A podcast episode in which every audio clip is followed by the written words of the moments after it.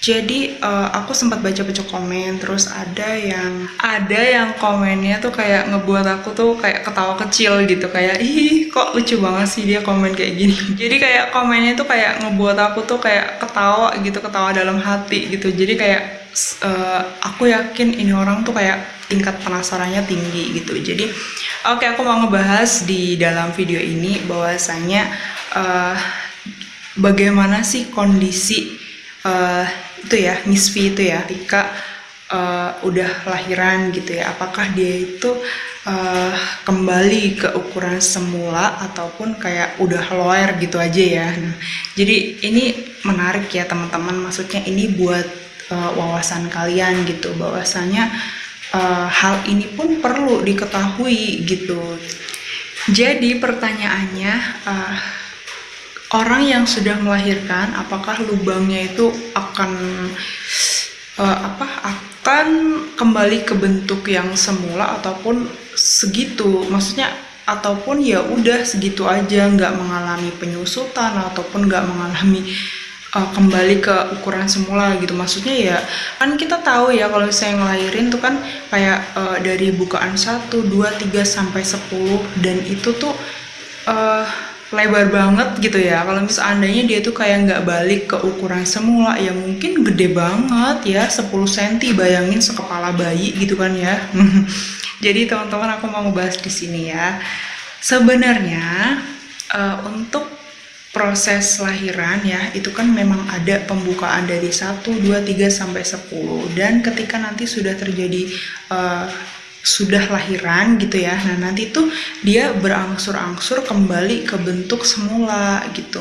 Makanya di sini lebih disaranin bahwa eh, ibu-ibu uh, yang udah ngelahirin, yang udah turun mesin lah ya ibaratnya itu harus tetap menjaga kualitas otot-otot itu gitu ya. Jadi mungkin dengan cara senam kegel gitu ya. Dengan cara mungkin ramuan-ramuan yang lain gitu kan. Banyak banget gitu ya bisa browsing gitu kan di YouTube ataupun di uh, ataupun ini loh apa namanya kayak uh, apa sih ramuan turun temurun gitu dari dari uh, mbah-mbah kita tuh biasanya punya gitu nih ya.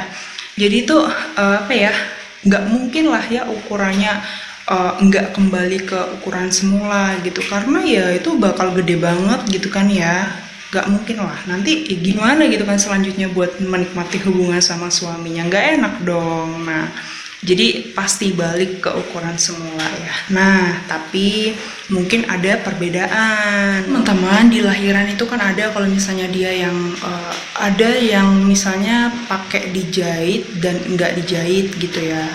Ini mungkin berbeda kalau sama yang dijahit gitu. Tapi rata-rata kebanyakan kayaknya dijahit nah jadi kalau misalnya mau mau ngejahitnya itu itu kan pasti nanti nanya dulu gitu sama sama si bapaknya itu maksudnya suami ya itu nanya dulu nanti segini pas nggak gitu biasanya atau mau disempitin lagi atau maksudnya atau semana gitu biasanya ditanya kayak gitu Nah, tapi mungkin di sini agak sedikit berbeda ya teman-teman dari yang maksudnya dari yang belum melahirkan sama yang sudah melahirkan.